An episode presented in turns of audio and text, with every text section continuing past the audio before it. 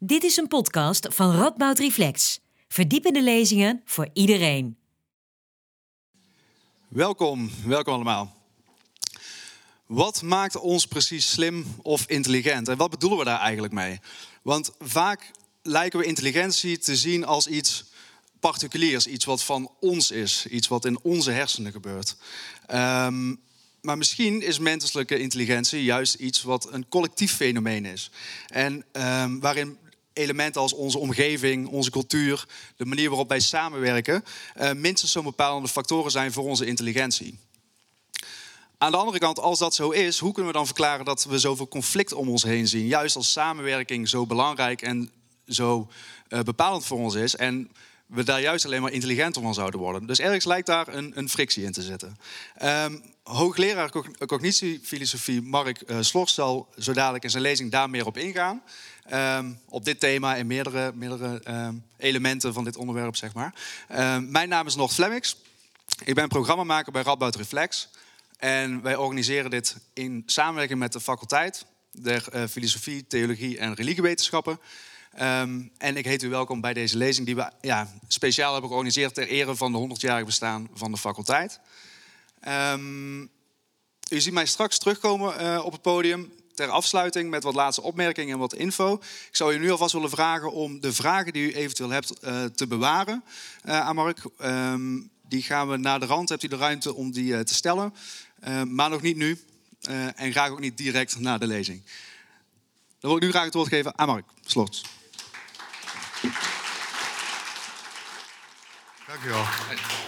Uh, dank u wel. Dank voor de gelegenheid om hier iets uh, te vertellen. Ik hoop dat mijn stem het blijft doen. Ik uh, ben een beetje aan het worstelen met de naweeën van corona. maar ik, die microfoon die helpt heel erg, dus dat is fijn. Ik heb 20 minuten en ik ga, echt een enorm, ik ga het echt hebben over de mensheid als geheel in 20 minuten. maar Nord noemde net de kwestie van conflicten. En toen dacht ik al van, oh ja, daar ga ik natuurlijk niks over zeggen. Ehm, uh, maar, maar daar kunt u dan dingen over vragen. Misschien heb ik er iets over te melden, misschien niet. We gaan het zien.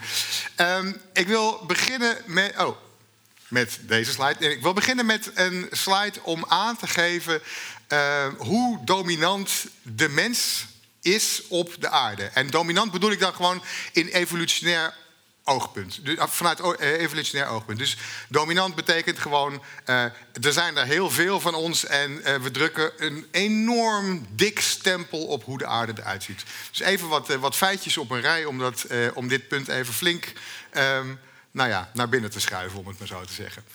Een derde van het aardoppervlak is veranderd door mensen. En dit, dit allemaal in de afgelopen 10.000 jaar.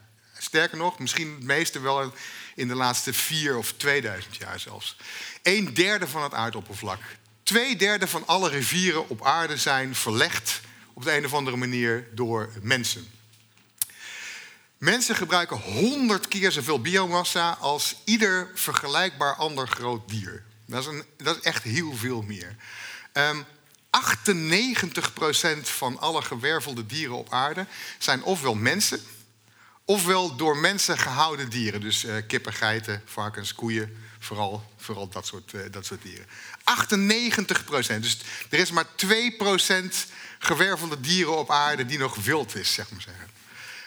Um, het gewicht van. Deze vond ik ook heel leuk. Dit, dit zijn uh, random feitjes gewoon om aan te geven hoe, hoe dominant wij zijn. Het gewicht van alle door mensen gemaakte spullen op aarde, dat is zojuist uitgerekend is meer dan het gewicht van al het leven op aarde. Dus dan, dan denken we gewoon aan, weet ik veel, de Lindenberg of auto's of gewoon, gewoon, gewoon objecten.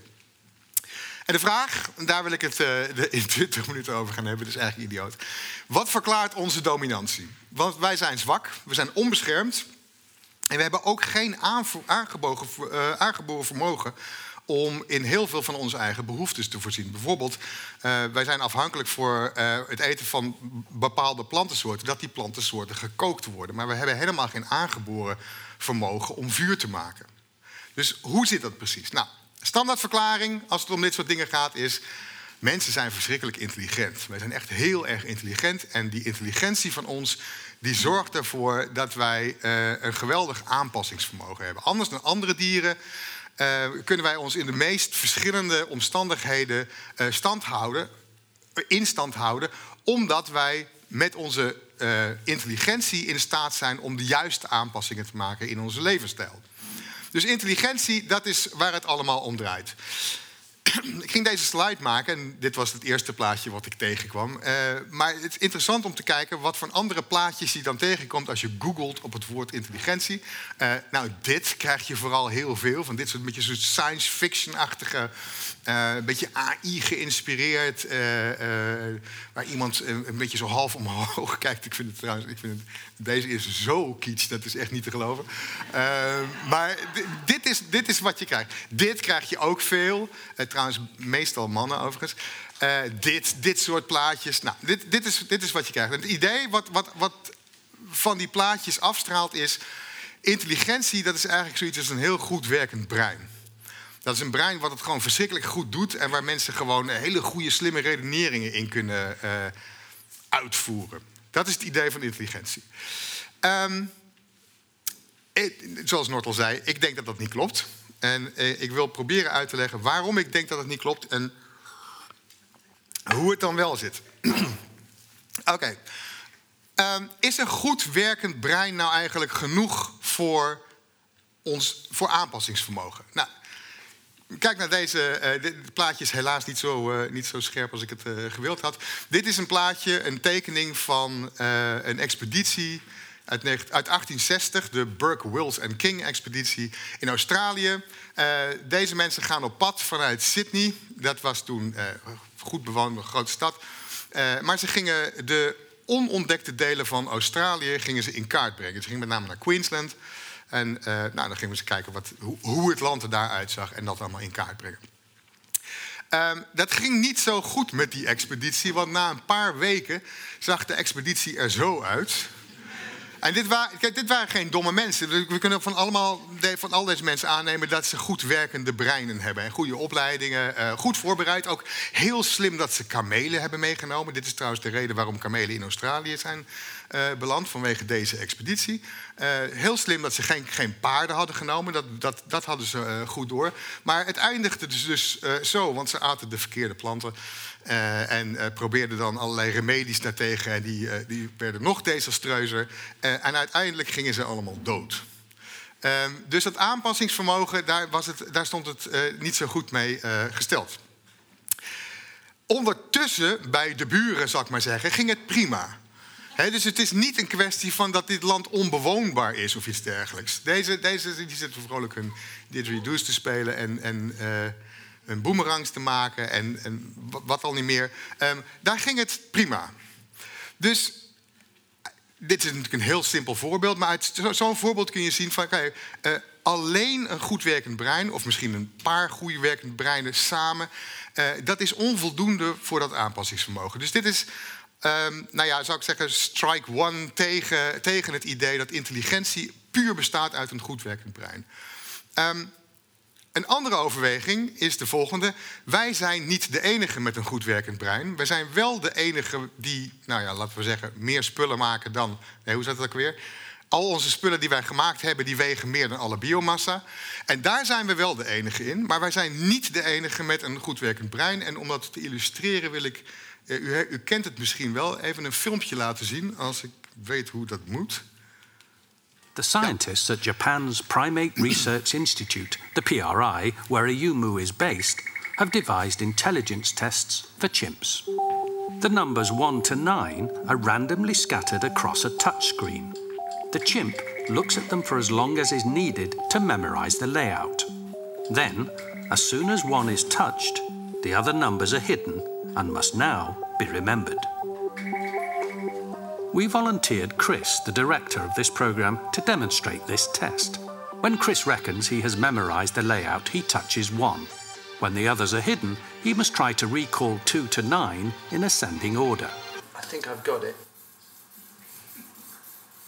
It's really very, very difficult.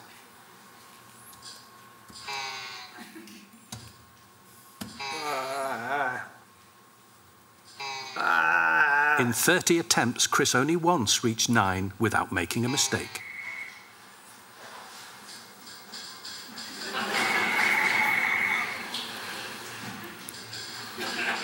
When Ayumu sat the same test, he correctly remembered the numbers almost 90% of the time. Ayumu gets it right almost every time, and I've got it right once. Oké, dus wij zijn niet de enige met een, uh, een goed werkend brein. Um, chimpansees zijn met name zo interessant natuurlijk omdat ze best wel op ons lijken. Uh, wij hebben een gezamenlijke voorouder samen met chimpansees en dat, die leefde 7, 6, 7 miljoen jaar geleden. Dat is evolutionair gezien helemaal niet zo lang geleden. Uh, we zijn van elkaar afgesplitst en we lijken eigenlijk in heel veel opzichten lijken mensen heel erg op uh, chimpansees. En in sommige gevallen kan het zo zijn dat chimpansees het dus gewoon beter doen, dit soort testjes, dan uh, mensen. Ook al is het zo dat deze tests natuurlijk typische mensentests zijn. Hè? Dus dat is ook nog iets wat je, wat je mee moet rekenen. Het is echt, echt iets wat heel, heel erg niet bij chimpansees past. En toch kunnen ze het heel erg goed. Um, maar chimpansees, uh, weet ik veel. Uh, chimpansees uh, maken niet 98% van alle levende dieren op aarde. Of gewervelde dieren op aarde uit. Dus wat is nou het verschil? Hoe zit het nou dat die chimpansees... die hebben net zulke goede werkende breinen als wij. Um, je hebt mensen met hele goede werkende breinen... die op de een of andere manier toch doodgaan in een land... waar andere mensen wel overleven. Wat is nou precies het verschil? Um, het korte antwoord, ik zie dat ik 10 minuten heb. het korte antwoord is: wij koppelen onze breinen aan elkaar. Wij, wij maken netwerken van breinen. Menselijke culturen zijn eigenlijk manieren om al die breinen aan elkaar te koppelen tot één groot werkend cognitief organisme. Je, je, hoeft helemaal niet zo ver te gaan om te denken over groepscognitie of groepsintelligentie of, of, of, iets dergelijks. Je moet alleen maar constateren dat wij onze breinen aan elkaar koppelen. En daar hebben we als je het heel, heel sterk versimpelt, drie dingen voor. Um, we zijn ongelooflijk goed in van elkaar leren en aan elkaar leren. Dat doen we de hele tijd. Dus een heleboel kennis die wij hebben, um, die hebben we eigenlijk niet van onszelf. Bijna alle kennis die we hebben, eigenlijk, of die wij denken te hebben, die hebben we niet van onszelf, maar die hebben we van iemand anders geleerd.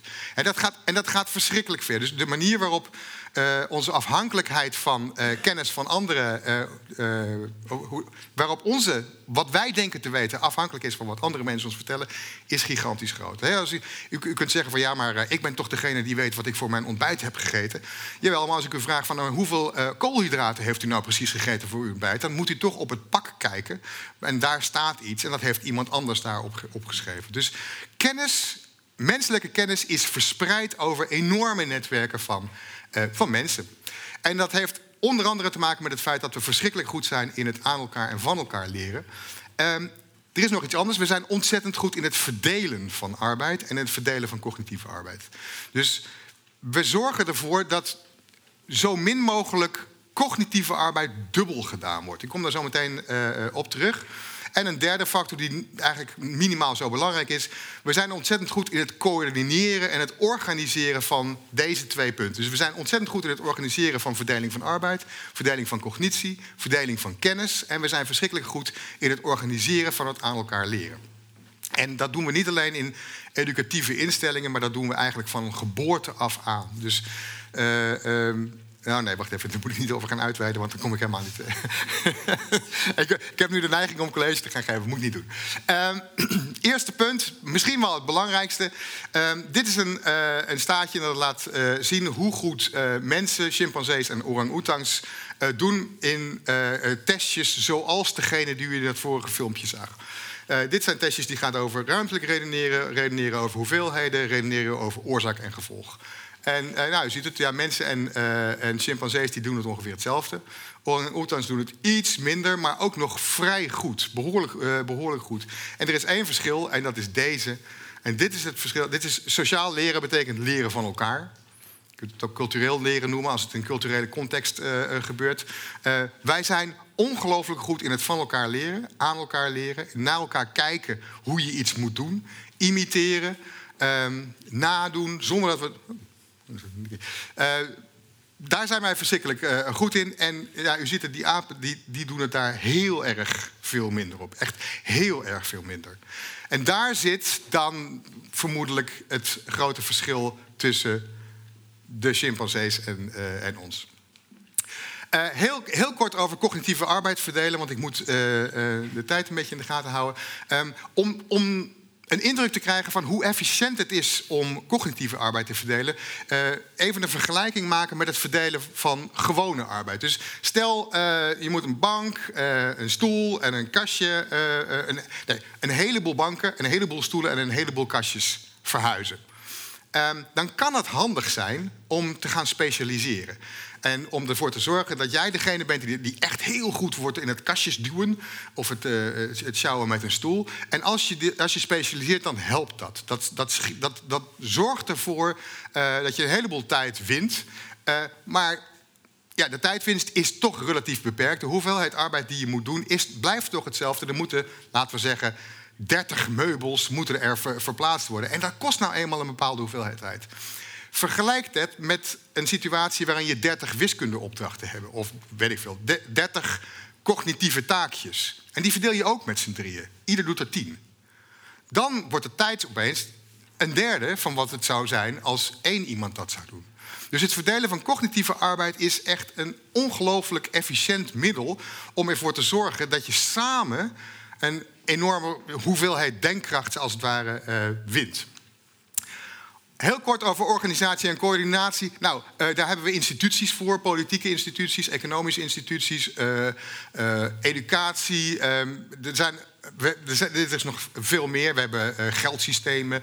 Um, je kunt het zo gek niet verzinnen. We hebben, we hebben systemen van het organiseren van families of wat dan ook, of steden en dorpen. Um, en we hebben conventies die ervoor zorgen dat we elkaar op een hele makkelijke, snelle manier kunnen begrijpen. De sociale etiketten bijvoorbeeld, kleding.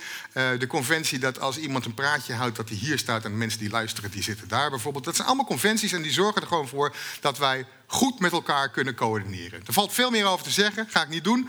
Um, ik ga heel snel naar de, hè, in 20 minuten de hele mensheid, um, naar de, de nou, nog niet helemaal de conclusie, maar wel de, de, de tussentijdste conclusie, zou ik maar zeggen. Dat is namelijk dat menselijke intelligentie een product is van cultuur en niet alleen van goed werkende hersens. Hoe komt het dat de buren het zo goed doen terwijl de Burke-expeditie aan het sterven is? Dat komt omdat de buren gebruik maken van een enorme hoeveelheid culturele kennis, die over de loop van heel veel generaties is opgedaan en aan elkaar is overgegeven en ook weer verbeterd. Uh, dus het is de culturele kennis, die, wat echt een groepsfenomeen is, die verzorgt voor de overleving en het aanpassingsvermogen. Het aanpassingsvermogen zit niet in de pure denkkracht van een individueel brein, maar het aanpassingsvermogen zit vooral in het sociale vermogen om van elkaar te leren, om aan elkaar te leren en om te coördineren met elkaar. Daar zit, daar zit onze echte intelligentie. En dat is het verschil tussen ons en uh, de chimpansees. Goed. Als dat nou zo is, en ik ga er even vanuit vandaag dat dat, uh, dat dat zo is. Wat betekent dat dan voor ons? Wat betekent dat dan voor onze individuele intelligentie? Dus wij functioneren opeens niet meer als de, uh, de autonome intellectuele superheld, maar als een another brick in the wall, zou ik maar zeggen, als je met Pink Floyd te spreken. We, opeens zijn wij een onderdeel van een veel groter geheel en dat geheel is belangrijk. Wat betekent dit voor ons? Aantal dingen. Um, ja, wat we moeten accepteren is dat 99% van de cognitie die nodig is om onszelf in leven te houden, die besteden we uit aan anderen. als het aan ons ligt. Ik ga niet dood als ik van nu af aan geloof dat eten in de supermarkt groeit. Dat is niet waar. Dat is een hele domme aanname voor mij, maar maakt niet uit. Want daar ligt toch eten, om het maar zo te zeggen. Dus er is ontzettend veel, eh, er is een ontzettend netwerk als het ware die we om, om onszelf heen bouwen, wat ons in leven houdt. Maar wat onze bijdrage aan dat netwerk is, dat is vrij minimaal. 99% van de kennis die we dan nodig hebben voor die eigen taken die we wel vervullen, die hebben we toch ook weer elders uh, uh, opgedaan. En wij zijn als het ware een soort. Wij, zijn, wij worden geboren als een soort lege iPhones die ingeplucht worden in het internet en dan een heleboel apps gaan downloaden. Een app die ervoor zorgt dat je kan rekenen. Een app die ervoor zorgt dat je geld kan gaan gebruiken. Een app die ervoor zorgt uh, dat je met andere mensen om kan gaan, enzovoort, enzovoort.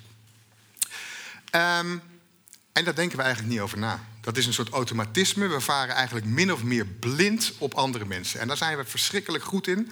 Uh, we vertrouwen elkaar ook uh, op een manier dat je, die, die, die, je echt niet elders in het dierenrijk tegenkomt. Nou, daar kun je over twisten. Maar wij vertrouwen elkaar heel erg. En voor onze coördinatie hebben we de conventies van onze eigen cultuur volstrekt geautomatiseerd. Die zijn helemaal, die doen we op ons rugmerg. Um, daar denken we ook niet over na. Nou, ik wil het in de laatste vijf minuten gaan hebben over deze laatste twee punten. Dus het feit dat we blind varen op anderen en het feit dat we eigenlijk helemaal niet nadenken over de, de conventies die we gebruiken om ons denken en ons handelen te coördineren. En daarvoor wil ik één, nog even een heel kort filmpje laten zien van een ander experiment, wat volgens mij minimaal zo belangrijk is als het vorige experiment. Ook weer een vergelijking tussen mensen en chimpansees. En ook hier lijkt de chimpansee weer slimmer, maar er zit een dikke ander onder het gras en daar ga ik daarna iets over zeggen. Helaas is het beeld heel slecht. Sorry. chimp how to operate a puzzle box to get a treat. First she taps, then she slots. Next she pokes.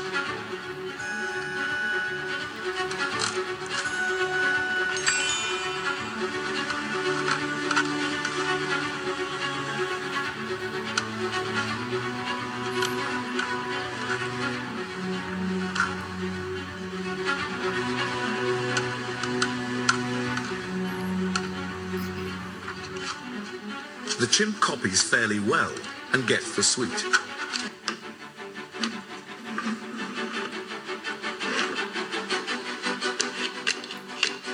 Children copy the actions much as the chimps did. The second box that I show the chimpanzees is this one, and it's identical to the opaque box, except that it's made out of material which is see-through.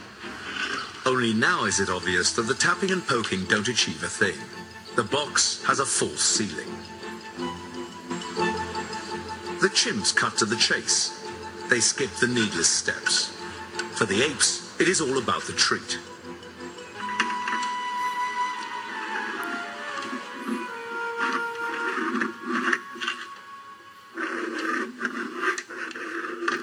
We found something quite surprising. The children were predisposed to copy, even when it meant that they were doing something that was really rather silly.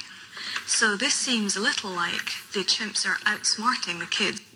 Dit is echt een fantastisch experiment. Dit is echt, echt geweldig. Dus de serieusheid waarmee ook eh, gewoon een totaal onbenullige handeling wordt uitgevoerd door kinderen. Dus wat gebeurt hier? Wel, we hebben een soort aangeboren slaafsheid in zekere zin in het imiteren van andere mensen. En dat lijkt dom, want die, die, je denkt van ja, waar is dit voor nodig? Als je dat snoepje wil, hoeft dat niet. Maar blijkbaar doen wij dit toch. En uiteindelijk maakt dit ons dus heel erg gevoelig voor de conventies van onze cultuur, die ons in staat stelt om met elkaar uh, te coördineren. Uh, het, spreekt ook een heel groot stuk vertrouwen uit naar van nou, die, die volwassenen zal er wel voor zorgen dat ik hier niks onzinnigs loop te doen. Ja, in dit geval is dat trouwens niet waar, maar in de meeste gevallen is dat imiteren slaat ergens op, gaat ergens over en stelt ons in staat om met elkaar uh, dat grote netwerk dat van breinen als het ware uh, te vormen. Dus nu krijg je een hele rare paradox eigenlijk van menselijke intelligentie. Wij hebben een soort aangeboren slaafheid, slaafsheid. En die lijkt dom op individueel niveau, maar op collectief niveau zorgt die voor een coördinatie van, ons, van al, al onze vermogens, zou ik maar zeggen, die ons als groep heel erg slim maakt en dus succesvol. Succesvol in evolutionair oogpunt. Wat moet je daaruit uh, uit concluderen? Nou, uh, in eerste instantie zou ik zeggen: kijk uit met heel grote beweringen over autonomie of voor jezelf denken. Uh, ik denk dat we daar, dat we dat we daar echt, echt voorzichtig over moeten zijn. Ook als je op de universiteit werkt en heel kritisch nadenkt. En, en, we, zijn toch we zijn een beetje kudde dieren, helaas. Um, Onderschat de rol van culturele conventies ook vooral niet. Daar had ik wat meer over willen zeggen. Dat raakt ook aan uh, datgene wat ik niet ga zeggen, namelijk over culturele conflicten. Uh, dus dat is dan misschien voor, uh, voor in de ruimte daarna.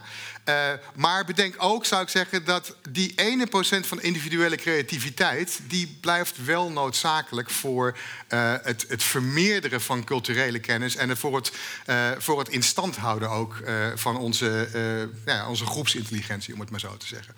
Dus we hebben een, een paradoxale situatie. Um, uh, maar uiteindelijk blijft er ook toch een, een klein stukje uh, individuele verantwoordelijkheid en individuele creativiteit over.